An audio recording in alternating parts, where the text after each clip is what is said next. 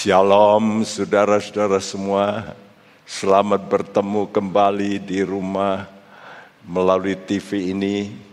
Biar hadirat Tuhan juga melanda di ruangan di mana Anda duduk dan juga dalam hati Anda khususnya. Pada sore hari ini kita akan belajar mengerti tentang misteri program hari raya. Dalam Tuhan itu begitu banyak misteri. Hal-hal yang tersembunyi, yang orang tidak mengerti, apa toh sebabnya Allah mencipta manusia. Justru di sinilah kita mengerti bahwa Allah itu sangat rindu untuk namanya fellowship dia mencipta manusia bukan sekedar mencipta, tapi dengan tujuan yang pasti, yaitu persekutuan, fellowship. Nah, yang menjadi masalah, apakah manusia ini percaya ada Allah pencipta segala sesuatu? Kalau orang percaya, maka semestinya mengakui Allah itu sangat berhikmat Lihat aja kalau sudah melihat langit, matahari, bulan, bintang, laut binatang-binatang. Engkau terkagum-kagum dengan binatang-binatang. Itu hikmat Allah yang tidak terbatas.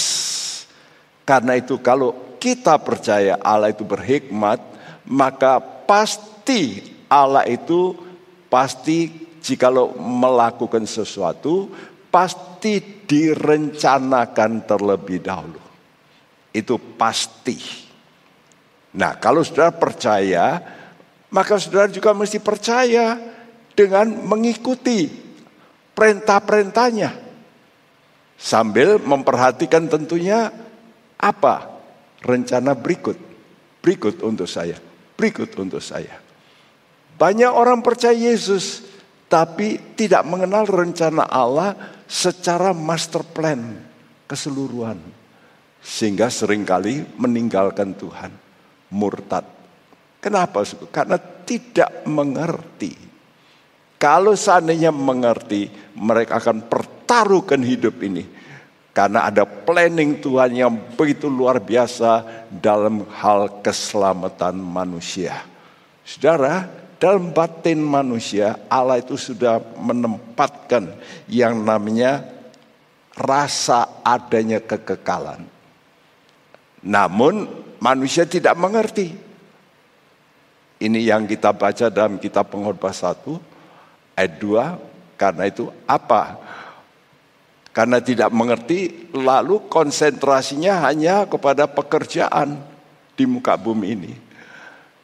Dan Salomo, raja yang begitu kaya raya, mengeluarkan pernyataan ini. Dia sebagai pengkhotbah, dia berkata begini, pengkhotbah 1 ayat 2 berkata, kesia-siaan belaka, kata pengkhotbah yaitu dia.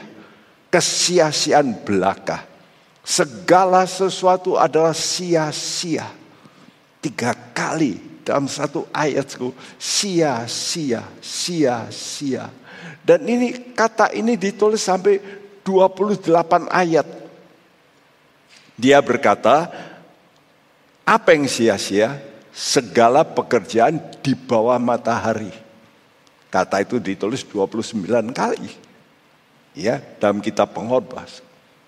Dan di bawah langit tiga kali. Jadi kalau total, 32 kali maka Salung berkata, apa yang aku kerjakan kalau itu hanya di bawah langit sia-sia. Lihat aja pekerja-pekerja ini, suku. kalau kena terik matahari, ini namanya di bawah matahari. Panas, terik, ya keringatan, waduh, kadang-kadang bisa pingsan dan sebagainya. Ya, itulah manusia. Sebaliknya Rasul Paulus berkata bahwa kalau kita melakukan pekerjaan itu bukan hanya di bawah langit, tapi kita menginvestkan untuk hal di atas langit, ini perkataan daripada Paulus 1 Korintus 15 ayat 58. Mari bacakan bersama, dua, tiga. Karena itu, saudara-saudaraku yang kekasih, berdirilah teguh, jangan goyah, dan giatlah selalu dalam pekerjaan Tuhan. Sebab kamu tahu bahwa dalam persekutuan dengan Tuhan, jerih payahmu tidak sia-sia. Kapan jerih payah kita tidak sia-sia? Lebih dulu harus dalam persekutuan. Ya, kalau sudah tidak bersekutu dengan Yesus, sudah tidak akan mengerti. Karena Yesus inilah yang memberikan program, yang memberikan tahu ini loh, ini loh. Kamu ini nanti akan jadi begini. Nah, orang yang duniawi programnya tinggal apa? Tunggu mati. Makanya mereka berkata itu terminal, karena itu wah dibikin bongpai yang bagus sekali.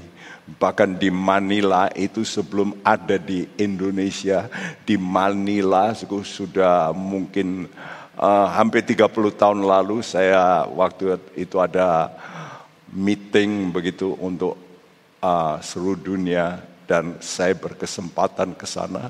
Beberapa saudara mau pergi ke kuburan melihat wisata ke kuburan. Saya pikir ngapain ke Manila kok wisata ke kuburan. Tapi mereka berkata, waduh hebat.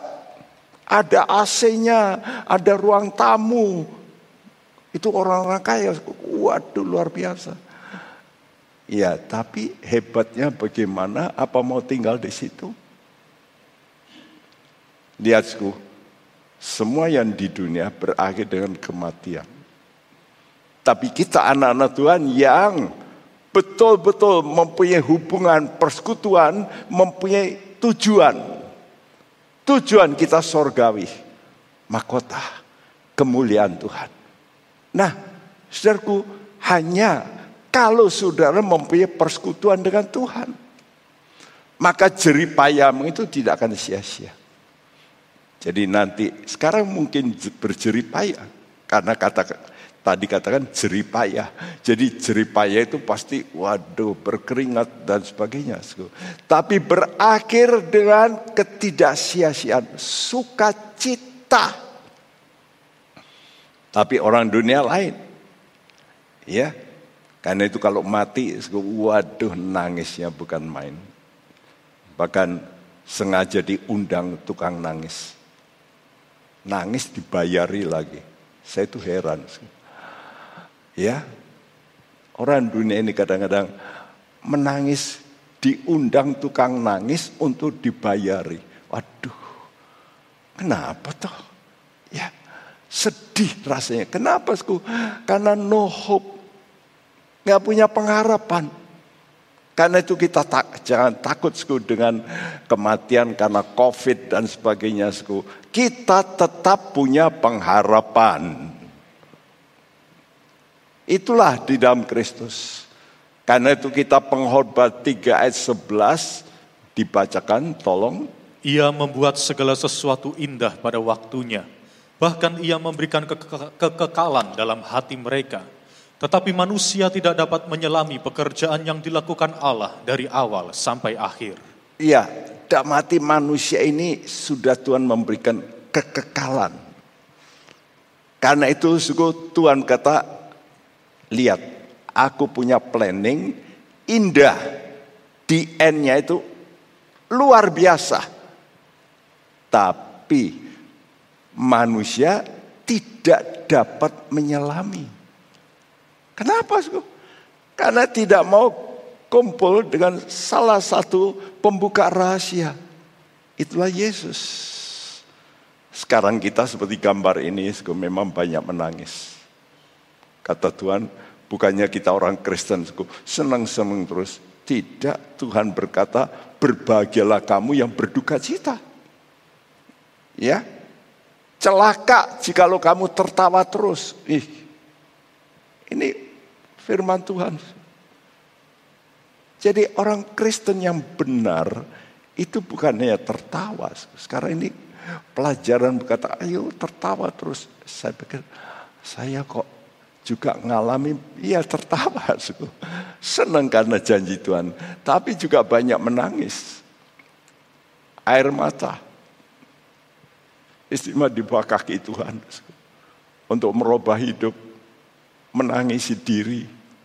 Banyak orang tidak menangisi diri, menangisi masalah. Tapi kita mesti menangisi diri kita. Nangis. Kalau masih ada pikiran yang nggak benar, dosa, kita mesti nangis. Nah itulah, sekarang ini memang kita seperti mengikuti jalan salib. Tapi nanti akan berubah menjadi mahkota, menjadi kemuliaan. Karena itu jangan takut jalannya Tuhan. Saya memberikan ini supaya banyak orang Kristen masih tidak mengerti. Kalau Tuhan itu betul pencipta, dia punya rencana. Lengkungan 1, 2, 3, 4 itu sampai 6 itu saudaraku seribu tahun, satu milenium. Jadi dari Adam sampai kita sekarang ini mendekati 6000 tahun. Ya. Setelah itu what next? Allah pasti akan datang.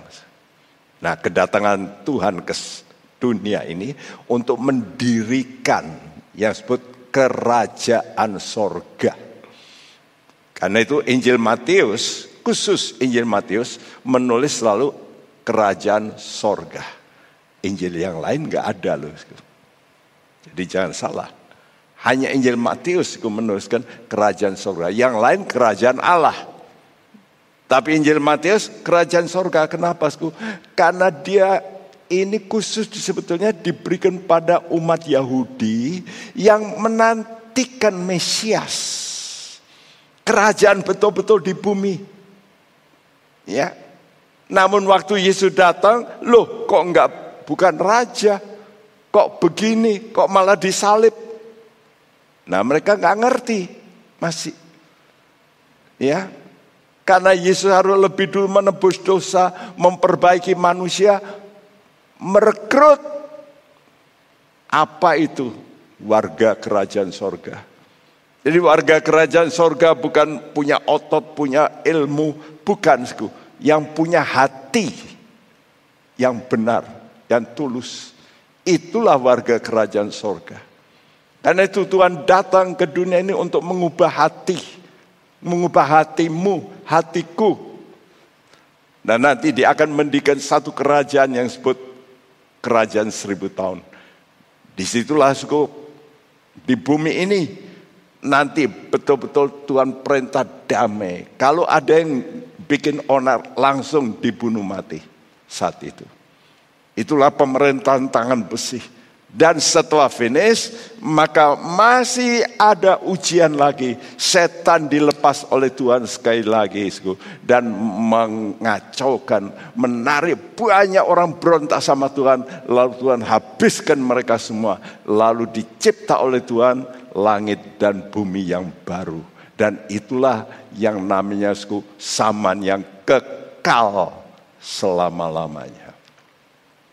Nah ini kita mesti mengerti. Ya. Nah, untuk itu Tuhan membuat satu program untuk mencapai zaman yang kekal itu di mana sudah nanti akan mengalami kemuliaan. Programnya itu disebut program penebusan. Dan itu dilakukan melalui Yesus. Karena Yesus inilah yang bisa mengubah manusia berdosa untuk menjadi manusia yang dibenarkan dan menjadi orang benar ya. Nah tujuan akhir yang indah daripada program Tuhan itu adalah kekal dan indah. Karena itu sayang banyak manusia justru menolak sang penebus ini. Yang merencanakan yang terbaik bagi manusia Supaya manusia yang berdosa yang hina. Kenapa hina? Coba aja, akhirnya mati. Di mana? Dibuang. Baunya bukan main. Mana ada orang mau simpan mayat? Pasti dibuang. Tapi bersyukur melalui berita Injil, yaitu berita tentang Yesus yang inkarnasi, yang mati, lalu dia bangkit, naik ke sorga, akan datang kembali, itu membuat kita melek, terbuka. Oh, jadi Tuhan ini memberi teladan contoh. Ya, dan teladan itu, program itu secara menyeluruh overall gitu, overall program itu dinyatakan dalam hari-hari raya orang Yahudi. Jadi itu caranya Tuhan Su, selalu yang bisa dilihat. Nanti yang tidak kelihatan. Ya. Ternyata program secara yang bisa dilihat itu nanti untuk yang tidak kelihatan. Jadi lebih dulu yang jasmani baru rohani. Itu kriteria dalam 1 Korintus 15 ayat 46. Segala perkara itu mesti jasmani dulu supaya melek orang oh begitu. Nah, itulah itu nanti Tuhan juga begitu. Karena itu Tuhan memberi contohku. Ulat berubah jadi kupu-kupu. Itu kan jasmani. Nah, itu program Allah untuk kita. Ulat menjijikan, tapi berubah nanti indah. Kita juga begitu. Iya. Kita ini manusia yang hina, kotor, bikin rusak seperti ulat. Tapi nanti bisa diubah Tuhan. Tapi mesti lockdown. Nah itu. Ya, masuk ke pompong dulu. Karena itu dengan adanya COVID ini baik kita belajar lockdown supaya masuk ke pompong semua. Yo, karena itu jangan lockdown di rumah malah waduh saudara mencari bahan lihat bacaan-bacaan yang nggak benar. Justru mencari Tuhan, karena Tuhan itu punya rencana yang luar biasa. Nah, saya memulai dengan program Allah ini dengan dasarnya. Apa dasar program Allah penebusan itu? Yaitu perhentian lebih dulu. Kalau sudah tidak bisa berhenti hatimu, mana bisa bersuka cita. Namanya hari raya itu mesti hari yang penuh sukacita. Ya. Jadi perhentian itu dasar hari-hari raya dari Tuhan. Karena itu saudaraku khusus dalam kitab imamat pasal 23 nanti saudara baca di rumahku Eh, masing-masing uh, coba teliti, mulai teliti. Oh, ternyata ada tujuh hari raya, ya. Tapi sebelum Tuhan bicara tentang tujuh hari raya ini, Tuhan memberi mukadimah. Nah, mukadimah. Preamble lebih dulu. Ini loh. Bagaimana kamu bisa berhari raya? Dan itu ditulis Imamat 23 ayat 1 sampai 3. Banyak orang penafsir Alkitab ini hari raya pertama. Bukan, ini bukan hari raya pertama. Ini dasar dari mengadakan hari raya. Nah coba dibacakan tiga ayat ini, tolong. Tuhan berfirman kepada Musa, Berbicaralah kepada orang Israel dan katakan kepada mereka, hari-hari raya yang ditetapkan Tuhan, yang harus kamu maklumkan sebagai waktu pertemuan kudus, waktu perayaan yang kutetapkan adalah yang berikut. Enam hari lamanya boleh dilakukan pekerjaan, tetapi pada hari yang ketujuh haruslah ada sabat, hari perhentian penuh, yakni hari pertemuan kudus. Janganlah kamu melakukan sesuatu pekerjaan, itulah sabat bagi Tuhan di segala tempat kediamanmu. Ya dari awal Tuhan sudah memberitahu bagaimana sudah membagi waktumu. Waktu untuk jasmani Tuhan tidak larang, harus bekerja. Kalau enggak kerja kata Tuhan jangan apa? Jangan makan bahkan. Betul? Tapi ingat, kamu jangan terus bekerja. Nah banyak orang su kerja non-stop terus, terus Pokoknya gimana mumpung saya masih muda kerja dulu habis-habisan. Loh justru masih muda ini harus punya konsep yang baik untuk yang kekal. Jangan terus-terusan bekerja. Karena di sini katakan Tuhan kata enam hari boleh. Kamu ini boleh melakukan. Tapi hari ketujuh itu kamu berhenti penuh. Nah, baik bukan? Manusia dikasih enam, Tuhan cuma minta satu.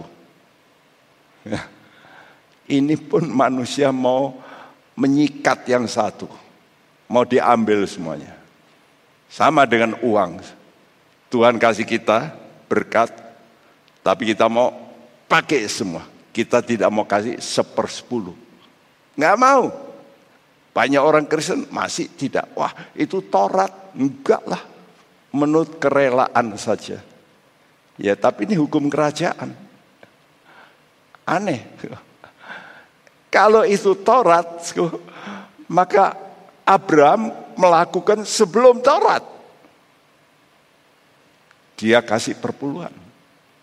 Itu sebelum Taurat. Ya. Yakob juga melakukan sebelum Taurat. Jadi aneh. Kalau orang berkata itu Taurat, bukan. Itu hukum kerajaan.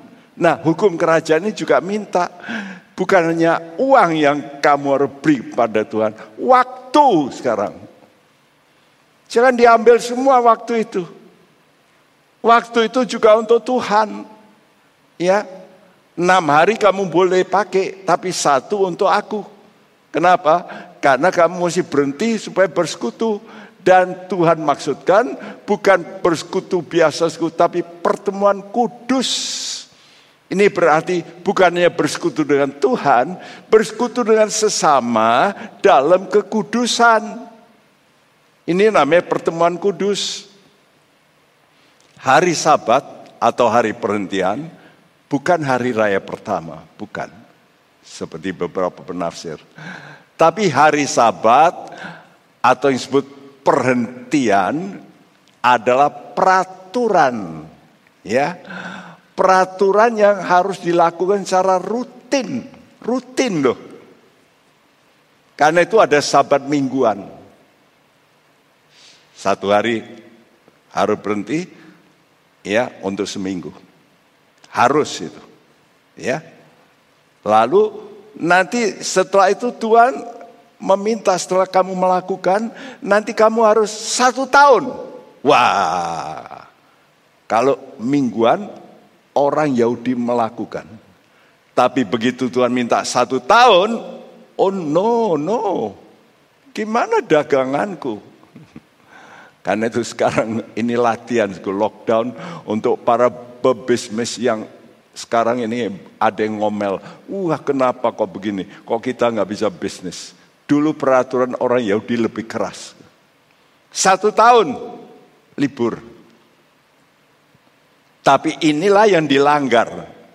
Dan mereka tidak pernah melakukan. Karena dilanggar, akhirnya mereka ditawan ke Babel. Akibat itu. Nah kenapa begitu? Karena itu untuk melatih. Melatih apa? Karena Tuhan mempunyai maksud rohani sebetulnya. Dengan latihan berhenti ini, makanya COVID ini bagusku.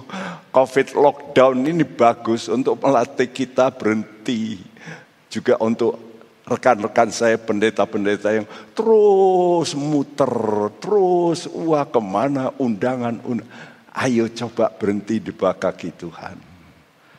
Kasih waktu melayani Tuhan, bukan melayani gereja, bukan melayani jemaat, tapi melayani Tuhan. Ya. Jadi maksud Tuhan kamu juga harus berhenti. Hamba-hamba Tuhan juga mesti berhenti melayani Tuhan, memuji Tuhan. Nah maksud Tuhan supaya hati kita ini terfokus pada sabat milenium. Jadi satu hari, satu tahun, seribu tahun. Ya, itu namanya itu sabat kerajaan seribu tahun. Itu nanti akan dialami oleh orang-orang yang percaya konsepnya Tuhan ini. Nah, hari ketujuh disebut hari sabat. Hari perhentian full, penuh. Dan katakan hari pertemuan kudus. Secara rohani apa itu? Secara rohani itu adalah perhentian dalam hatimu, penuh. Yang dikenal dalam perjanjian baru damai sejahtera. Ya, damai sejahtera. Kalau dalam bahasa asli itu shalom. Nah itu. Shalom itu artinya juga selamat, juga suku ya gembira, damai, senang, pokoknya shalom. Nah, kalau kita hidup dalam dosa, maka kita tidak mengalami yang disebut shalom. Damai sejahtera. Tapi tertekan. Nah inilah hidup dalam dosa. Ya, karena itu Tuhan mau membenarkan kita. Dengan apa?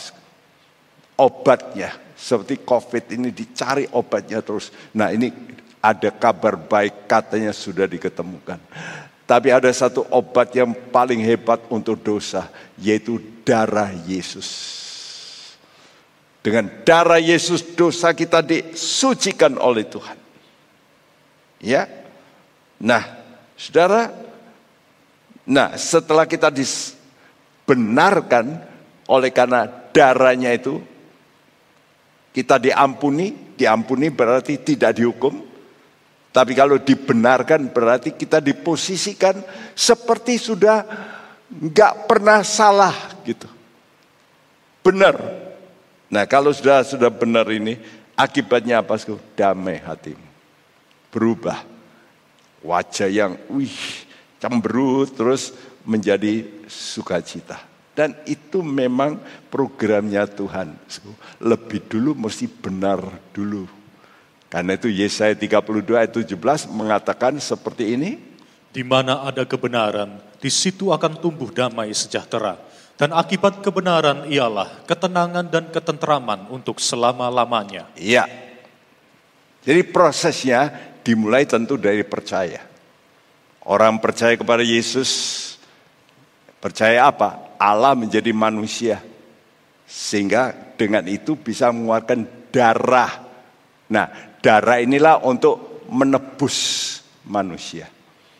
Nah, kalau sudah ditebus, baru dia bisa dibenarkan, justified. Ya, bukan hanya diampuni, tapi nanti dibenarkan seperti Roma 5 ayat 1.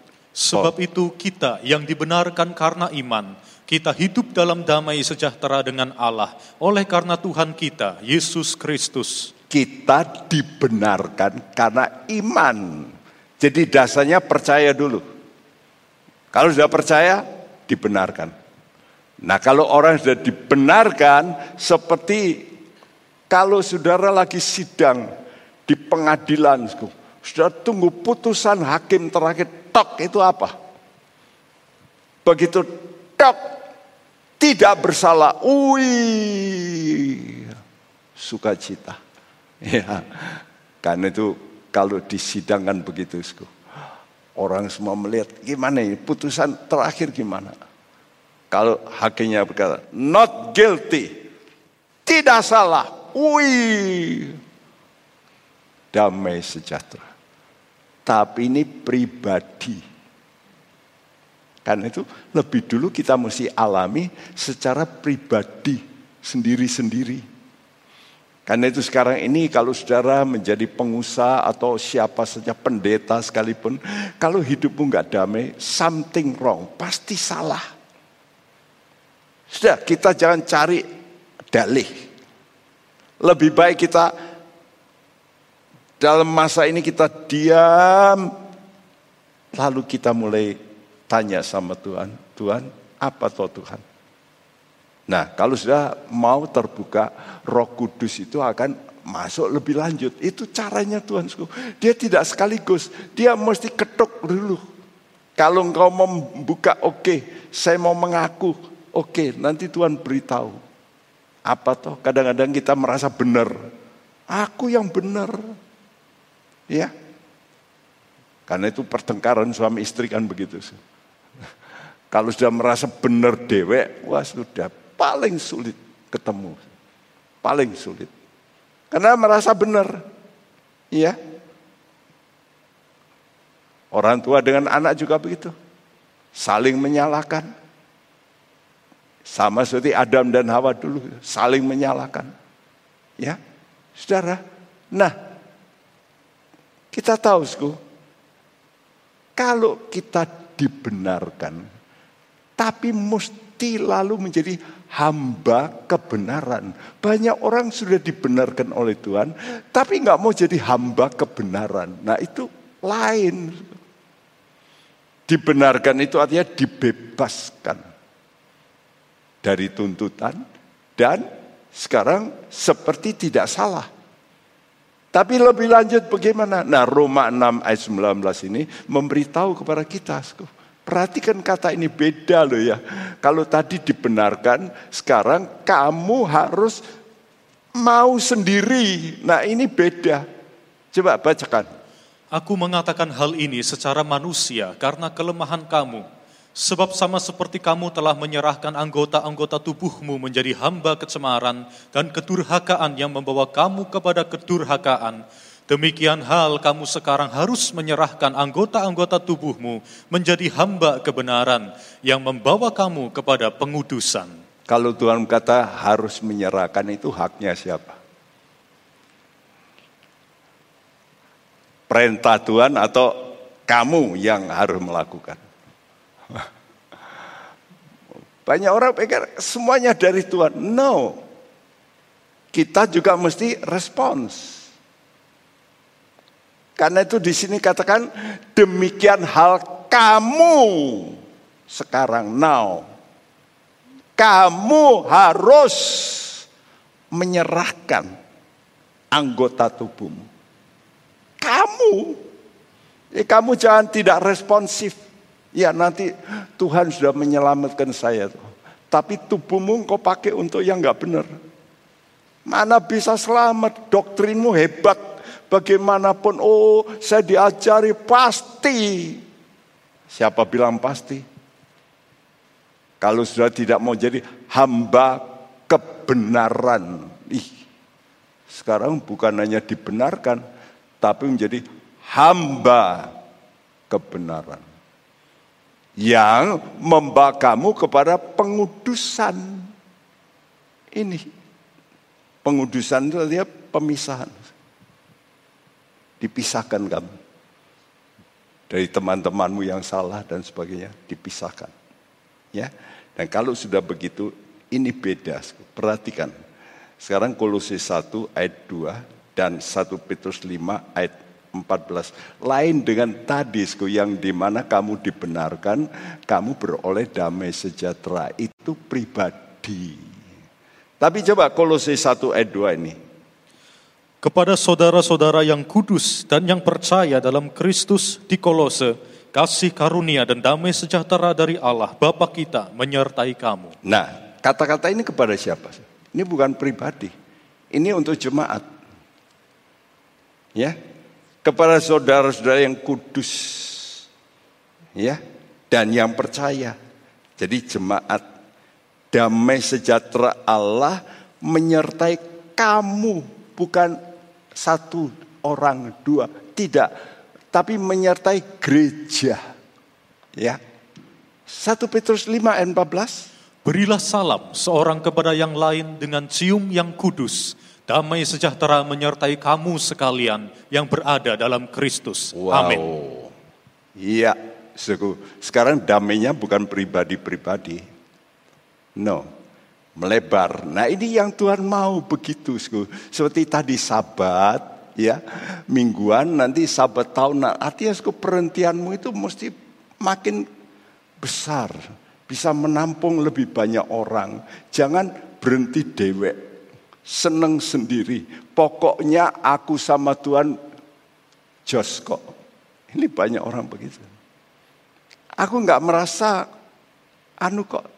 Tapi dengan orang lain masih bertengkar terus. Wah itu bukan damai sejahtera Allah. Tapi banyak orang karena tidak mengerti pengajaran ya begitu.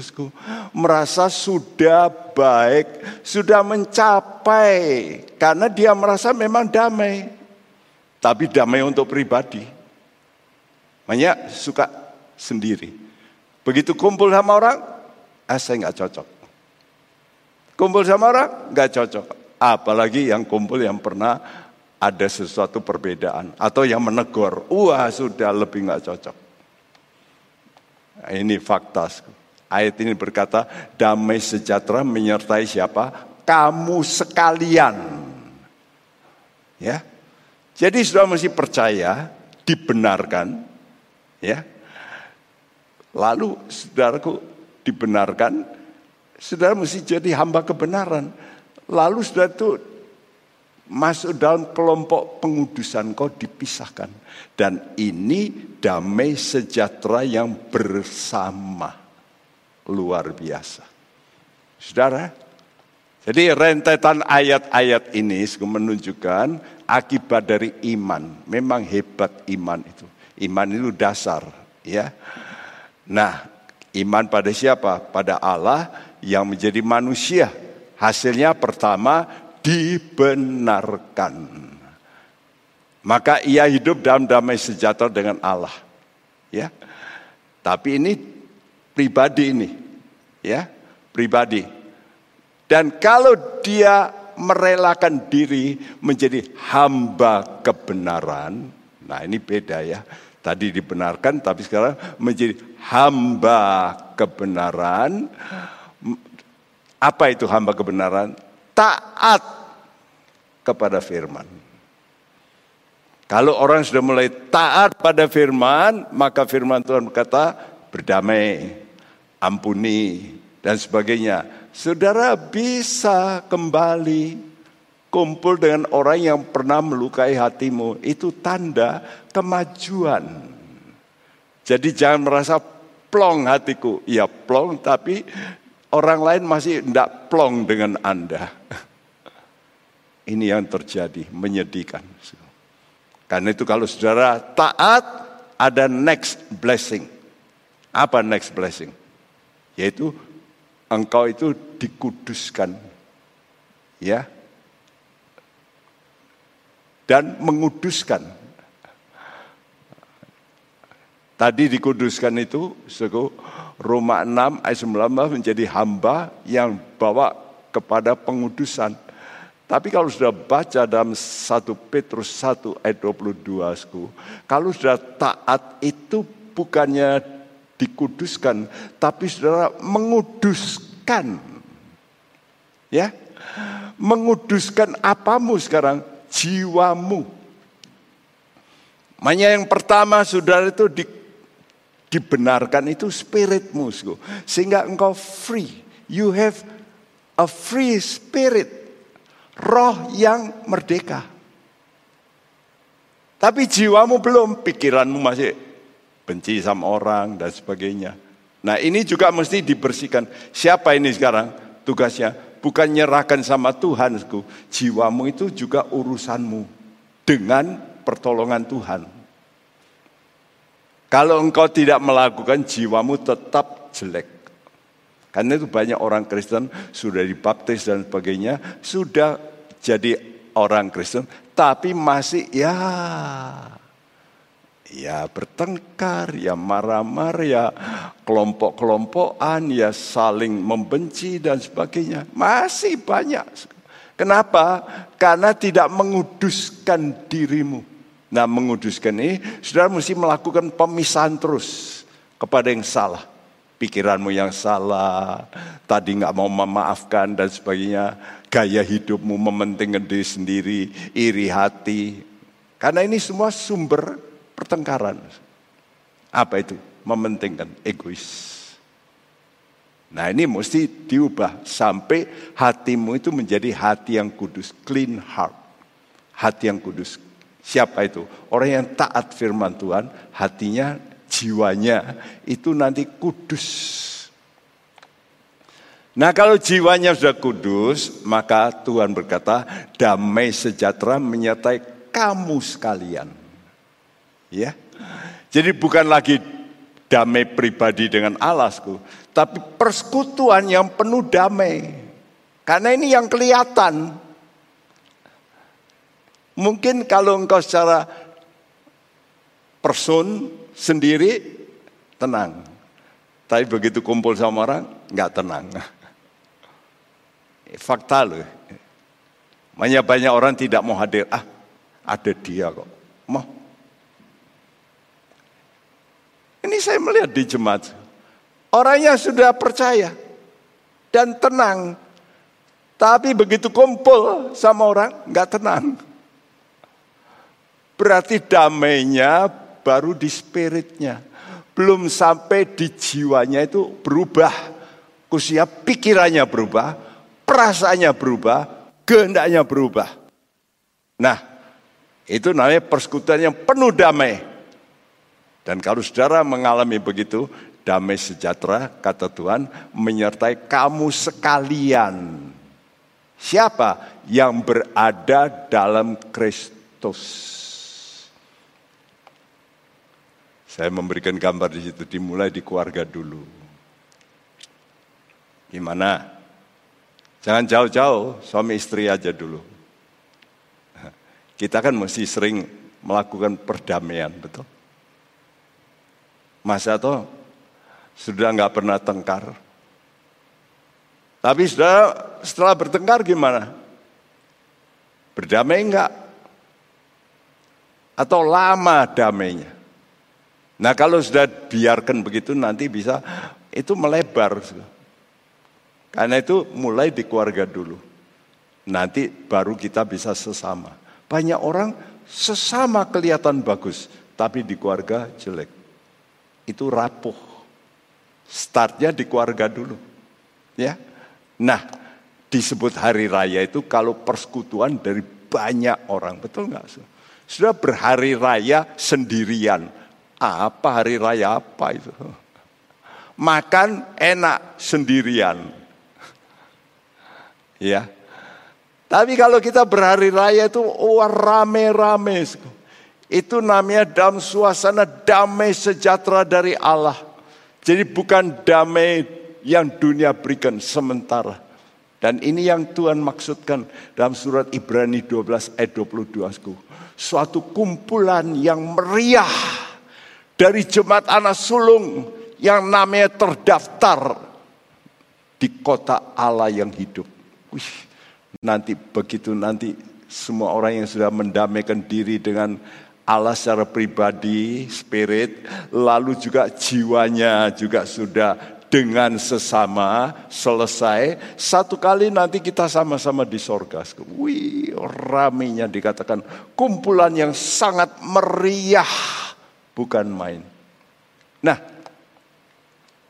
tentu semua itu ada proses. Prosesnya melalui tujuh hari raya, itu harus. Dan Tuhan berkata melalui Amosku, sungguh Tuhan Allah tidak berbuat sesuatu tanpa menyatakan keputusannya pada hamba-hambanya para nabi. Jadi sebelum terjadi fakta, Tuhan itu kasih keputusan. Ya, karena itu yang dulu yang dilakukan oleh Israel itu jasmania, ya harafiah, bayangan karena itu mereka korbannya domba. Tapi ini sekarang Tuhan sekarang reveal, artinya dibuka selimut itu. Nah kalau sudah dibuka jadi kenyataan. Domba itu kenyataannya siapa? Yesus yang disalibkan. Anak domba Allah. Nah ini kita masih mengerti. Jadi memang sering kali manusia itu baca Perjanjian lama sering kali dihapus. Saya rasa keliru besar. Di situ harta karun tapi tersembunyi yang harus dibongkar. Ya, baru sudah melihat keindahannya.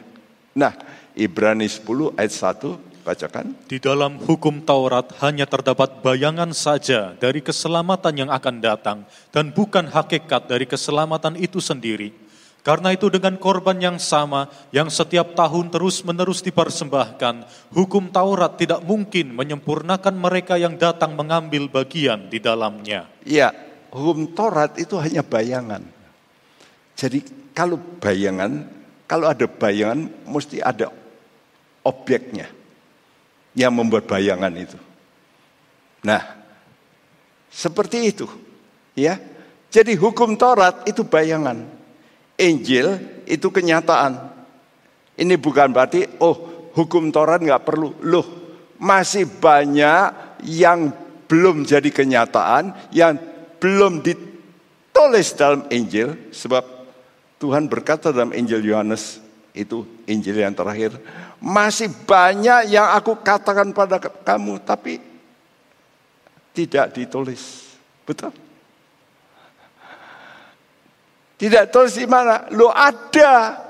Lo adanya di mana? Ya di perjanjian lama. Nah banyak orang nggak mau gali ke situ.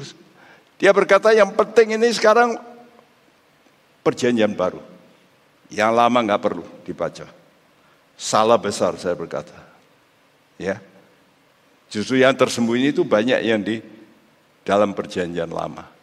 Saudara. Karena itu dasar hari raya itu hari sabat.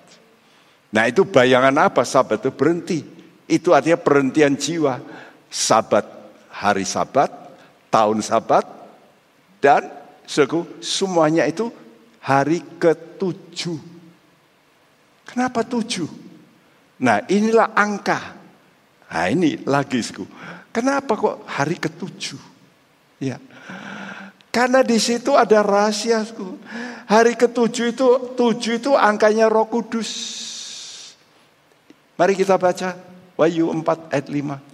Dan dari takhta itu keluar kilat dan bunyi guruh yang menderu. Dan tujuh obor menyala-nyala di hadapan takhta itu. Itulah ketujuh roh Allah. Itulah ketujuh roh Allah. Dulu waktu saya belum mengerti memang lo kok tujuh roh Allah ini ya apa tuh? Jadi apakah roh Allah itu tujuh? Bukan. Ya. Angka tujuh, angka roh kudus. Angka tujuh menunjukkan harmonis. Karena itu sudah lihat keyboard itu. Keyboard itu tonnya berapa? Tujuh. Do, re, mi, fa, sol, la, si. Lalu setelah itu ya do lagi. Harmonis. Dari tujuh itu lalu bisa membuat harmonisasi. Nah ini seperti juga dengan pelangi. Apa toh pelangi itu? Warna putih sebetulnya. Lu kok bisa merah? Nah itu pembiasan. Lu kok bisa hijau? Pembiasan. Lu kok bisa ungu? Pembiasan.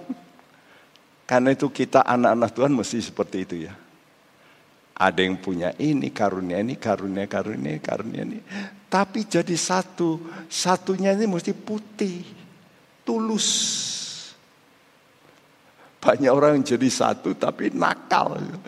Dia kepingin jadi satu tapi punya etikat yang buruk. Saya dulu di SD diajari coba bikin lingkaran dibagi tujuh segmen. Lalu kasih warna pelangi itu. Lalu kamu putar. Ya, dari kardus waktu itu. Kita gambar semua, dengan warna pelangi. Setelah itu disuruh muter cepat. Sekarang kamu lihat apa warnanya? Putih. Loh. Yang belum pernah praktek coba tahu dipraktekkan kalau nggak percaya. Warna matahari itu putih, lalu kena bias, lalu jadi pelangi. Nah, karena itu ini pekerjaan Roh Kudus. Ya. Karena itu Roh Kudus itu membuat anak-anak Tuhan yang dikuasai, perhatikan yang dikuasai, yang mau jadi hamba kebenaran karena Roh Tuhan ini Roh kebenaran, itu nanti bisa harmonis. Nah, apa itu tujuh roh Allah? Nah, tujuh roh Allah itu pengungkapannya dalam perjanjian lama. Nggak ada di perjanjian baru. Supaya lebih jelas. Ya. Ada tulisan kaki Dian di perjanjian baru. Tapi kalau ditulis tentang pelita kaki Dian yang lebih komplit, perjanjian lama. Dari apa misalnya, harus diapakan, harus ditempa, dari satu bongkal loh. Satu talenta. Tidak boleh dipatri, dipukuli terus langsung jadi begini. Itu kalau enggak, wih jenius banget. Mana bisa? Sekarang coba suruh bikin di sini. Dipatri. Apa? Silver. Nggak bisa murni semua. Tapi kalau Tuhan suruh, nah untuk itu beri hikmat roh kudus. Besaliel, Aholiab, ini tokonya Besaliel itu. Dia yang membuat bagaimana dari satu bongkah ini bisa jadi seperti ini. Ini gambar yang simpel loh. Ini ada ada bunga, ada kelopak dan sebagainya. Ya. Nah coba kita baca Yesaya 11 ayat 2. Roh Tuhan akan ada padanya, roh hikmat dan pengertian, roh nasihat dan keperkasaan, roh pengenalan dan takut akan Tuhan. Dan Tuhan menempatkan itu ada komanya, ada dannya. Ya, coba perhatikan. Saya mesti menoleh ke belakang sekarang. Roh Tuhan akan ada padanya. Ini bisa nubuat untuk Yesus mestinya, baik N-nya mesti besar. Pada Yesus. Itu roh ketuhanan. Ya. Roh Tuhan ada padanya Lalu roh hikmat dan dan pengertian. Lalu apa? Roh nasihat dan keperkasaan. Roh pengenalan dan takut akan Tuhan. Dan coba perhatikan sekarang. Ini roh Tuhan ini yang paling tengah ini. Kalau di sini ada 12 kelopak kuntum kembang. Kalau sini sembilan, sembilan, sembilan, sembilan. Jadi sembilan kali enam, lima puluh empat. Plus dua belas, enam puluh enam. Angka apa itu? Angka Alkitab. Ya, 66. Jadi di pelita ini, kamu bisa jadi pelita ini kalau kamu nurut firman Tuhan. Ya, Saudara, roh Tuhan artinya apa, Sku? Yesus harus dijadikan Tuhan lebih dulu. Kalau kamu menjadikan Yesus Tuhan, kamu harus jadi hamba. Hamba apa? Hamba kebenaran. Nah kamu mesti mau benar aku kasih perintah. Nanti jangan, oh perintah Tuhan itu Torat. Oh, waduh. Banyak orang sekarang kalau sudah berisi perintah itu dianggap Torat. Tuhan datang bukan untuk meniadakan Torat, tidak. Ya. Jadi roh Tuhan, kamu jadikan Yesus itu Tuhan. Apa yang terjadi? Kalau kamu nurut, taat, maka kamu mendapat hikmat. Roh hikmat ini yang membuat kamu bisa mengerti karena itu dan roh hikmat dan ini hikmat pengertian. Keempat, roh nasihat dan roh keperkasaan. Jadi empat gandeng sama lima. Artinya, kalau kamu bisa mudah nerima nasihat, rohmu perkasa. Kenapa roh manusia sering kali kalau kena omongan sedikit, Wah. Loyo. Lemes, kecewa. Ini banyak terjadi anak-anak Tuhan. Ya, dikerasin sedikit sama pimpinan. Pemimpinku kau bikin tidak manusiawi. Kenapa, Sku? Karena suka menerima nasihat. Kalau enggak terima nasihat, tidak perkasa. Roh pengetahuan, saudara makin tahu siapa itu Tuhan, maka timbul takut akan Tuhan. Nah, jadi DN-nya itu mesti ini, outputnya sebut takut akan Tuhan. Kalau orang sudah takut akan Tuhan, kata Tuhan, dia bijaksana. Karena itu jeritan hati Tuhan. Kapan ya anak Tuhan itu bisa takut akan Tuhan, bukan takut virus. Sekarang ini banyak anak Tuhan takut sama virus lebih dari takut akan Tuhan. Ya, karena kelihatan, kalau model begini kelihatan. Lalu ya sifat egoisnya muncul. Lihat aja, toko-toko diborong sama orang-orang kaya. Saya pikir ini mau bikin masalah apa? Karena nggak takut sama Tuhan. Tidak ingat orang lain. Saudara, masker sampai harganya, wih. Kenapa, sku? Ya karena tidak takut. Ambil keuntungan. Hanya saya setuju dengan Pak Jokowi.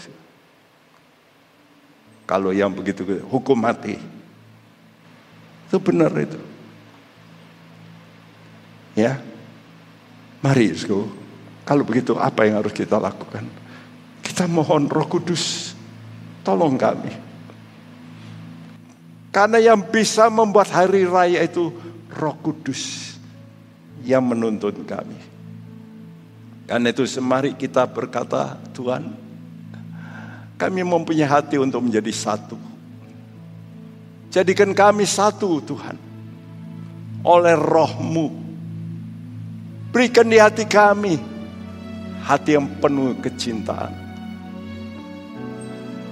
Supaya kami bisa menjadi satu. Menyenangkan hati Tuhan.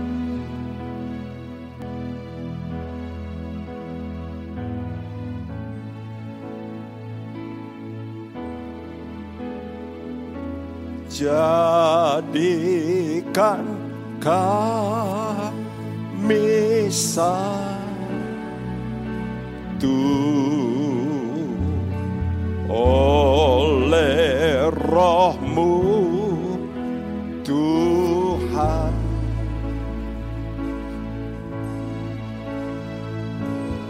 berikan di hati kami. Penuh kecintaan.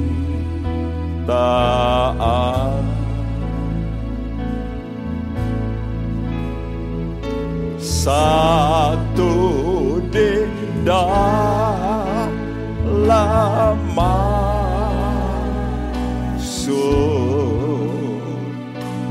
satu pengharapan.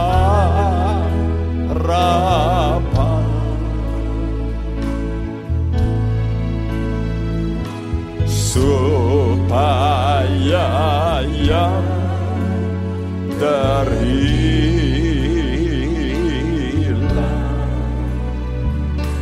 dapat diselamatkan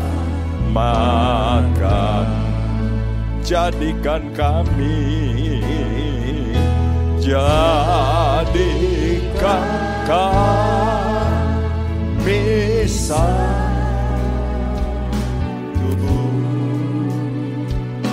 Oleh rohmu